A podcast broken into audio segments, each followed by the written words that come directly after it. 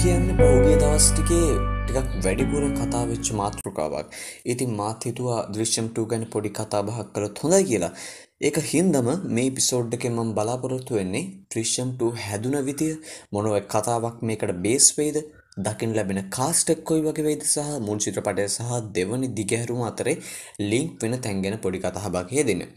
හැබැයි දෘශ්‍යම් 2 ගැන කතා කරන්න කලින් මං දෘශ්‍යම් මුල් චිත්‍රපටය ගැන පොඩි කතාපාක යෙදලම ඉන්න මොකද දෘශ්‍යම් 2 ගැන කතා කරන්න කලින් මුල් චිත්‍රපටය ගැන කතා කළොත් මේක අහන හැමෝටම මේ ගැන හොඳ පැහැදිලි අවබෝධයක් ලැබෙන්න පුළුවන්. දෘශ්‍යම් කියන්නේ ලංකාවේ සිනමා රසිකයන් බහුතරයකටත් හොඳට අහලා පුරුදු නමක්. මොකද 2013 දී ජිතු දෝසබ්ගේ තිර රචනය සහ අධ්‍යක්ෂණයේ නිර්මාණය වන දෘශ්‍යම් චිත්‍රපටිය පසුකාලීනව අජේ දෙව්ගන්ගේ රංගනයෙන් හින්දි භාෂාවට වගේම කමලාසන්ගේ රංගනයෙන් දමිළ භාෂාවටත් ප්‍රතිනිර්මාණය වෙනවා. ඊටත් අමතරව කන්නඩ සහ තෙලුගු භාෂාවන්ටත් මේ චිත්‍රපටය රීමේක් වෙලා තියෙනවා. විශේෂත්වය තමයි දෙදස් දා හත වසරදී ජෙක්සන් ඇන්තනගේ රංගන දායකත්වයෙන් ධර්ම යුද්ධය නමින් සිංහල රීමේක් වුණෙත් මේ දෘශ්‍යම් චිත්‍රපටියම තමයි. එතනෙනුත් නොනෙවතිලා දෙදස් දහනමය වසරදි චීන භාෂාවට ප්‍රතිනිර්මාණය වුණු ඉන්දියාවේ මුළු ඉන්දියාවෙම පළවෙනි චිත්‍රපටය විදිහට ශීප් විතවුට් ෂෙපර්ඩ් කියන නමිනුත් මේ තිරගත වෙනවා. මලයාලමේ කෝටි පණහ සීමාව පසු කරපු පළවෙනිම සිනමාපටය විදිහට වාර්තාපොත් අරුත් කරපු දෘශ්‍යම් තමන්ගේ ගමන අවසානයේදී බොක්ස් ඔෆිස් ආදායම රඳවගන්නේ ඉන්දීය කෝටි 75ක් වගේ ඉහළ සීමාවක. ඒ ඒ වන විට ඉන්ඩස්ට්‍රි හිට් ලේබලේ එහෙමත් නැත්නම් ප්‍රාන්තයේ වැඩිම ආදායම ලැබපු චිත්‍රපටය විදිහට නම තියාගෙන හිටපු 2020 චිත්‍රපටයත් දෙවන තැනට ඇදලා දමමින්. මම මේ කියන කතාව සමහර විශ්වාස කරන්නත් පුළුවන්, සමහර විශ්වාස නොකරන්නත් පුළුවන්. කොහොම නමුත් එක්සත් අරාබි ප්‍රදේශයේ හෙවත් UAE කලාපය ඇතුළේදී දෘශ්‍යම් චිත්‍රපටය තිරගත වුණේ ලෝක ප්‍රසිද්ධ ටයිටැනික් චිත්‍රපටයේ වාර්තාවන් පවා කඩමින්.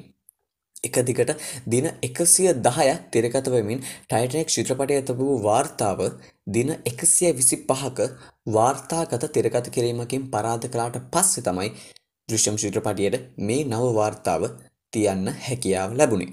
මෙහෙම නවරැල්ලි මලයාල මේ අයිකොනික් චිත්‍රපටයක් ගැන මං හිතන්නේ තවත් වැඩි යමක් කතා කරන්න ඕනි කියලා. ඒ වගේම මං විශ්වාස කරනවා මේ පොඩ්කාස්ට් එක අහන හැම දෙනාම 2013 වසරේදී රිලීස් කරපු මේ විශිෂ්ට මලයාලම් චිත්‍රපටිය දැනටමත් බලලා අවසන් විත්තිය. ඉතින් එහෙමනම් මෙතන ඉඳන් අපි මුළු මලයාලම වෙනස් කරපු මේ දැවැන්ත නිර්මාණේ දෙවනි චැප්ටර් එක ගැන කතන්දරේ පටන් ගමු. මැයි විසියෙක් වනිදා මොහොන්ලාල්ගේ හැටවැනි උපන්දිනය දවසේ ඒ උත්සවයට සමගාමීව කවුරුවත් නොහිතපු විදිහට තමයි මේ දෘශ්‍යම් 2 චිත්‍රපටිය ගැන විස්තර එළියට ආවේ. ජිතු සහ මොහොන්ලාල් විටෙන් විට මේ ගැන ඉඟි දුන්නත් කවුරුවත් හිතුවේ නෑ මෙහෙම ඔෆිෂියල් ඇනවුස්මන්ට් එකක්ම එකපාරට දෙවි කියලා. ඉතින් මේ විස්තරේ ඉන්දියාවේ සෝෂල් මීඩියා අවකාශය ඇතුළෙත් ලොකු කතාබහක් පටන් ගන්න මුල පිරුණා. මොකද දෘශ්‍යම් කියන්නේ මුළු ඉන්දියානු සිනමාව ඇතුළෙම ලොකු කතාබහට ලක්ු නිර්මාණය සහ ප්‍රධාන ප්‍රාන්තීය සිනමාවන් හැම එකකටම වගේ ප්‍රතිනිර්මාණය වුණු චිත්‍රපටියක්. ඉතින් මේකත් එක්කම අපිට තීරණය කරන්න පුළුවන් දෘශ්‍යම් කියන්නේ සාමාන්‍ය චිත්‍රපටයකටත් වඩා අයිකන් එකක් විත්තිය. ජිතෝගේ සිනමා ජීවිතේ සාර්ථකම නිර්මාණය තමයි දෘශ්‍යම්. ඉතින් මෙහෙම නිර්මාණයක දෙවන දිගැරුමක් එනවා කියන්නෙම අධ්‍යක්ෂකවරයාට එක ලොකු අභියෝගයක් වෙනවා. දෘශ්‍යම් වගේ අයිකන් එකක් යොදාගෙන තව චිත්‍රපටයක් කරලා පළවෙනි චිත්‍රපටයෙන් ප්‍රේක්ෂකයා ලබපු ඒ ත්‍රිල් එක ඒ සිනමැටික් එක්ස්පීරියන්ස් එක දෙවනි චැප්ටර් එකෙන් නොලැබුණොත් ජිතුගේ සිනමා ජීවිතය ඇතුළේ කරගත්තු ලොකුම අත්වැරදීම ඒක වෙන්නත් පුළුවන්. ඉතින් මේ හැම දෙයකටම මුහුණ දෙමින් ජීතු දෘශ්‍යම් 2 කියන නමින්ම තමන්ගේ ඊළඟ ප්‍රොජෙක්ට් එකේ රූපගත කිරීම කටයුතු පසුගිය සැප්තැම්බර් 21 වෙනිදා පටන් ගන්නවා.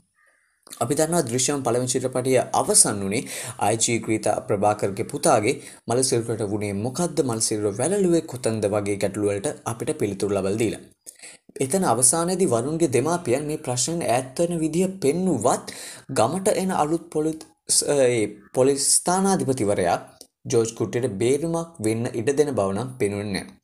සමහරවිට පළවෙනි චිත්‍රපටය කරන කාලෙදිම දෙවනි දිගරුමක් ගැන ජීතුගේ හිතේ තිබිලා බැරි වෙලාවත් දෙවනි චිත්‍රපටයක් කරන්න පුළුවන් වුණොත් කියන තැන ඉඳලා කතාව ගොඩනගන්න පුළුවන් පොයින්ට් එකක් විදිහට මෙතන ඉදිරි කළාද දන්නෙත් නැහැ. කොහොම වුණත් මේ සිනමාපටය ගැන අපිට තියෙන ලොකුම ප්‍රශ්නේ තමයි ජිතු මේ චිත්‍රපටිය නැවත ගොඩ නගන්නේ කොහොමද කියන කාරණය. එක්ක අලුත්ම ස්ටෝරයක් ක්‍රීබූට් වෙයිද නැත්තම් මුල් කතන්දරයම දිකටම ගලාගෙන ඇති කියන ගැටලුව අපිට තියෙනවා. හැබැයි මේ වෙද්දි කාස්ට් එකත් එලියට දාලා තියෙන නිසා ඒ ගැටලුව වෙනුවෙන් අපිට උත්තරයක් හොයාගන්න පුළුවන් වෙයි. ඒ අනුව මුල් චිත්‍රපටියේ ඔරිජිනල් නළුනිලි පිරිසම මේ චිත්‍රපටයට එකතු වෙනවා කියලා දැන් කන්ෆර්ම් වෙලා අවසන්. සුපුරුදු විදිහට ජෝර්ජ් කුට්ටගේ චරිතය මෝහන්ලාල් කරද්දී කලින් චිත්‍රපටියේ වගේම ජෝර්ජ් කුට්ටගේ බිරිඳ රාණිගේ චරිතයෙන් මීනා ඒ වගේම ඔවුන්ගේ දියණියන් දෙදෙනාගේ චරිතවලින් එස්තා නිල් සහ අන්සිබා එකතු වෙලා ඉන්නවා. මේ ප්‍රධාන චරිත හතරට අමතරව ගීතා ප්‍රභාකරුත් කාස්ටින් ලිස්ට් එකේ දැක් ගන්න පුළුවන්. චිත්‍රපටියට එකතු වුණ අලුත් මූණු අතරේ විශේෂ කෙනෙක් ඉන්නවනම් එතන පළවෙනි තැන හිමි වෙන්න ඕන මුරලි ගෝපිට. මොකද මුරලි ගෝපි කියන්නේ මලයාලමේ වැඩිම ආදායම්ලාභී චිත්‍රපටය විදිහට රෙකෝඩ් තියපු ලුසිෆර් චිත්‍රපටයේ තිරපිටපත් රචකයා. ලුසිෆර් ත්‍රිලොජියේ ඉතුරු ෆිල්ම් දෙක ලියන්නෙත් මුරලිමයි. ඉතින් ඒ වගේම මේ චිත්‍රපටයේ කැමියෝ රෝල් එකකින් සුපුරුදු පරිදි නිෂ්පාදක ඇන්ටනි පෙරුම්බෝර් පවා දකින්න පුළුවන්. මං හිතනවා මේ කතාබහේ අතුරු කතාවක් විදියට ඇන්ටනි පෙරුම්බෝර් ගැන පොඩ්ඩක් කතා කළත් හොඳයි කියලා. ඇන්ටනි පෙරුම්බෝර්ගේ ආශිර්වාද සිනමාස් චිත්‍රපටයේ සමාගම ඒ නිෂ්පාදක සමාගම තමයි මේ වෙලාවේ මලයාලමේ තියෙන දැවැන්තම චිත්‍රපට නිෂ්පාදන සමාගම. මෝහන්ලාල්ගේ ඩ්‍රයිවර් වෙලා හිටපු ඇන්ටනි පෙරුම්බෝර් මේ වෙද්දි මලයාලමේ දැවැන්තම තියටර් චේන් එකේ අයිතිකාරයා. ආශිර්වාද සිනමාස් චිත්‍රපටි සමාගම පටන් ගත්තෙත් මෝහන් ලාල්ගේ චිත්‍රපටි නිෂ්පාදනය කිරීමේ මූලික අරමුණ ඇතිව. ඒ චිත්‍රපටි සමාගමෙන් තමයි ඔඩියන් දෘශ්‍යම් එතනින් ගිහම ලුසිෆර් වගේම ඉස්සරහට රිලිස් වෙන්න තියෙන මලයාලමේ දැවැන්තම චිත්‍රපටිය. කෝටි සීයක නිෂ්පාදන පිරිවැයකින් නිපදවපු මරක්කාර් චිත්‍රපටියත් නිෂ්පාදනය කරන්නේ මේ ඇන්ටනි පෙරුම්බෝර්ගේ ආශිර්වාත් සිනමාස් චිත්‍රපටි සමාගම් විසින්ම පමණයි. හරි ආයි චිත්‍රපටයට මෝහන. මේ සුපුරුදු කාස්ටක නිසාම අපිට හිතාගන්න පුළුවන් අලුත් ස්ටෝරියක් නැතුව පළවෙනි චිත්‍රපටිය ඉවරුණු තැන ඉඳම්ම දෙවැනි කතාව පටන් ගනීවි කියලා. අධ්‍යක්ෂක ජිතු ජෝසප්ම එක සම්මුඛ සාකච්ඡාවකදී වටින් ගොඩින් කිව්වා තමා මුල් ජෝර්ජ් කුට්ටිගේ කතන්දරයම නැවතත් ප්‍රේක්ෂකයාට ලබා දෙන්න උත්සාහ කරන බව. හැබැයි ඒ ගැන හරි හමම් විස්තරයක් අධ්‍යක්ෂක ජිතු තාමත් කරලා නැහැ. ඒ කියන්නේ මුල් ස්ටෝරිය ගැන තවත් සාධනීය බලාපොරොත්තුවක් අපිට තියාගන්න පුළුවන්. අනිත් කාරණාව තමයි ජිතු මේ චිත්‍රපටයෙන් ගොඩනගන්නේ අලුත්ම ස්ටෝරි ලයින් එකක් නම් ඇයි දෘශ්‍යම් කියන නම් පාවිච්චි කළේ. අලුත් නමකට යන්නේ නැතුව අලුත් ටයිඩල් එකකට යන්නේ නැතුව දෘශ්‍යම් 2 the reception කියන ටයිඩල් එක භාවිතා කරපු නිසාත් අපිට හිතා ගන්න පුළුවන් මුල් කතාව ඇතුළෙම දෙවන නිර්මාණයත් ගොඩනැගෙවි කියලා. මොන වුණත් දෘශ්‍යම් වගේ නමක් භාවිතා කළා කියන්නෙම චිතු සතු ලොකු වගකීමක් තියෙනවා පළවෙනි චිත්‍රපටයෙන් උද්දාමයට පත් වෙලා ඉන්න සිනමා රසිකයන්ගේ බලාපොරොත්තු නැති නොවන විදිහේ සීක්වල් එකක් කරන්න. මේ දෙවන චැප්ටර් එකෙන් පළවෙනි චිත්‍රපටියේ ගැම්ම නැති වුණොත් මේ දෙවන චැප්ටර් එකෙන් පළවෙනි චිත්‍රපටියේ ඒ උද්දාමේ නැති වුණොත් ජීතුගේ සිනමා ජීවිතේ ලොකුම කඩාවැටීමක් වෙන්නත් තියෙන ඉඩ කඩ බොහොම වැඩි. මොකද පහුගිය කාලේ කරපු චිත්‍රපට පොලිමෙන්ම ජීතුගේ වැඩ හරියට එළියට ආවේ නැහැ කියලා තමයි මගේ නම් අදහස වෙන්නේ. මොහොන්ලාල්ගේ පුතා ප්‍රනව් මොහොන්ලාල්ගේ ආදි චිත්‍රපටියෙන් පස්සේ ජිතුගේ කිසිම ෆිල්ම් එකක් සක්සස් නොවුනත් මෙතනදී ලොකු කම්බැක් එකක් ගන්න ඔහුට ඉඩ කඩ තියෙනවා. ඒ කම්බැක් එකට තවත් තල්ලුවක් දෙන්නේ රාම් චිත්‍රපටිය. ඇත්තටම දෘශ්‍යම් 2 සිනමාපටයට කලින් මොහොන් ලාල් එක්ක ජිතු රාම් චිත්‍රපටයේ රුගත කිරීම වල තමයි හිටියේ. නමුත් කොරෝනා ව්‍යසනය එක්ක රටම ලොක්ඩවුන් කළාට පස්සේ ලංකාව ඇතුළු විදේශ රටවල කරන් තිබු ෂූටින් ටික කරගන්න රාම් චිත්‍රපටියේ ප්‍රොඩක්ෂන් ටීම් එකට බැරි වුණා. ඉතින් ඒකට ආදේශකයක් විදියට තමයි මේ දෘශ්‍යම් 2 චිත්‍රපටයේ රුගත කිරීම වලට ජිතු ජෝසප් අධ්‍යක්ෂකවරයා යොමු වෙන්නේ. චිත්‍රපටයේ අන්තර්ගතය කොයි විතර ගන්න කොයි විදියට වෙයිද? චිත්‍රපටයේ අන්තර්ගතය ප්ලොට් එක මොකක් වෙයිද කියන දේ අපි තාම දන්නේ නැතත් සමහර ප්‍රකාශ හින්දම අයිඩියා එකක් ගන්න පුළුවන් අපිට. අපේ සරසවිය පත්තරේ වගේ කේරළයේ තියෙන මනෝරමා පුවත්පතට කරන සමුඛ සාකච්ඡාවකදී එක තැනකදී මෝහන්ලාල් කියනවා I read the script of Drishyam 2 it is more thrilling than the prequel. After lockdown shooting might begin. ඒ කියන්නේ පළවෙනි චිත්‍රපටයේ ත්‍රිලිං ආතල්ලේ කඩා ගන්නේ නැතුවම අපිට දෙවන චිත්‍රපටය බලාගන්න පුළුවන්. හැබැයි මොහොන්ලාල් මෙහෙම කියද්දි අධ්‍යක්ෂකවරයා චිත්‍රපටය ගැන කියන්නේ තවත් අදහසක්. ජිතු කියන විදිහට පළවෙනි චිත්‍රපටයේදී වගේ සස්පෙන්ස් ගතියක් හෝ ක්ලයිමැටික් ඒ ට්විට්ස් අපිට මේකෙන් ලොකුවට බලාපොරොත්තු වෙන්න බෑ. දෙවනි චිත්‍රපටයේ දෙවනි කතාව ඉමෝෂනල් පැත්තර බර ස්ටෝරියක්. එක එක්කෙන එකෙක් කතා කියන මෙහෙම වෙලාවක අපිට තාමත් ෆිල්ම් එක ගැන හරිහමං අයිඩිය එකක් ගන්න බෑ. අපිට පුළුවන් එකමදේ චිතු මේ පාර මොන අටමගලයක් කරයිද කියලා පැත්තකට වෙලා බලගින්ක විතරයි. හැබැයි ටොප් රේඩඩ් ඉන්දියන් මූවිස් වල තිස් දෙවනි තැන තියෙන ප්‍රාන්ත සම්මාන ඇතුළු සම්මාන තොග පිටින් ගනිපු මුළු ඉන්දයානු සිනමාවම කතා බහට ලක්වුණු චිත්‍රපටියක් වන කරගන්න නැතිවේ කියෙන විශ්වාසය පෞද්ගලිකව මටත් තියෙනවා.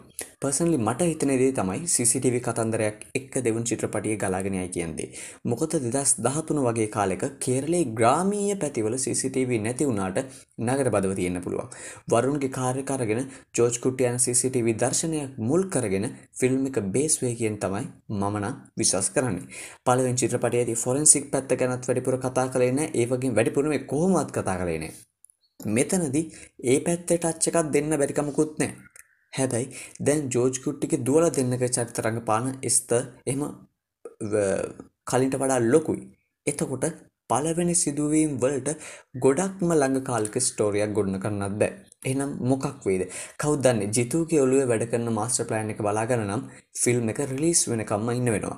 ලබන වසර. එහෙමත් නැතන් දෙදස් විසි එකේ මුල් කාර්තුවද රිලිස් කරන්න තමයි දැනට සූදානම් කළ තියෙන කියල් තමයි අන්තර්ජාලය සඳහන් වෙන්නේ. අලුත්ම අප්ඩේට් එක තමයි මේ වෙනකොට චිත්‍රපටිය ෂූට් කල්ලා අවසන්.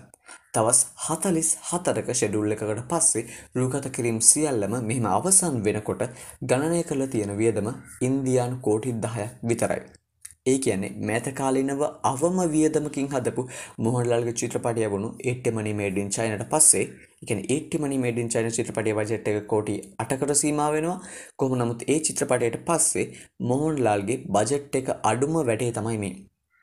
නිෂ්පාදන පිරිවෑ මෙච්චර අඩුවෙන්න ප්‍රධානම හේතුව තමයි කොවිඩ් වෛරස් තත්වේ මේ කොවිඩ් වෛරස් තත්ත්වත් එක්ක මලයාලමේ කේරල සිනමාව ඇතුළේ ඒ චිත්‍රපට ශේෂත්‍රයේ කට්ටිය එකතු වෙලා හදාගත්ත සංගම් වලින් තීරණය කළා මලයාලම් සිනමා ශේෂත්‍රයේ ඉදිරි අනාගතය වෙනුවෙන් එහෙමත් නැත්නම් ඉස්සරහට එන අප්කමින් ප්‍රොජෙක්ට්ස් ටික කිසිම අඩුපාඩුවක් නැතුව කරගැනීම වෙනුවෙන් තමන් චිත්‍රපටයක් වෙනුවෙන් අය කරන මුදල අඩු කරගන්න.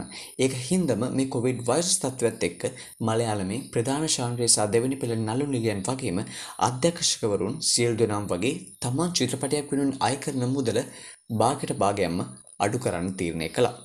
ඉතින් මේ වෙද්දී විනාඩි 15ක් විතර අපි දෘශ්‍යම් 2 ගැන කතා කළා. කොහොමද මම මෙහෙම මේ දෙයක් කියන්න දෘශ්‍යම් 2 චිත්‍රපටයත් එක්ක ඍජු සම්බන්ධයක් නොවුනත් මම මේ කතාවත් කියන්න ඕනේ. මොකද මේ දෘශ්‍යම් කියන්නේ කොපියක් කියනතේ සමහරය හිතෙනවා. වෙනත් භාෂාවක සිනමා නිර්මාණයකින් හරි නැත්තම් වෙනත් කෘතියකින් හරි උත්සප කතාවක් කියලා ඔවුන් චෝදනා කරනවා. හැබැයි උසාවියෙන් පවා තීන්දුව වෙලා තියෙනවා දෘශ්‍යම් කියන්නේ චිතුගේ නිර්මාණයක් බව. ඒ වගේම දෘශ්‍ය මුල් නිර්මාණය මලයාලම් නිසා හින්දි හෝ දමිල නෙමෙයි.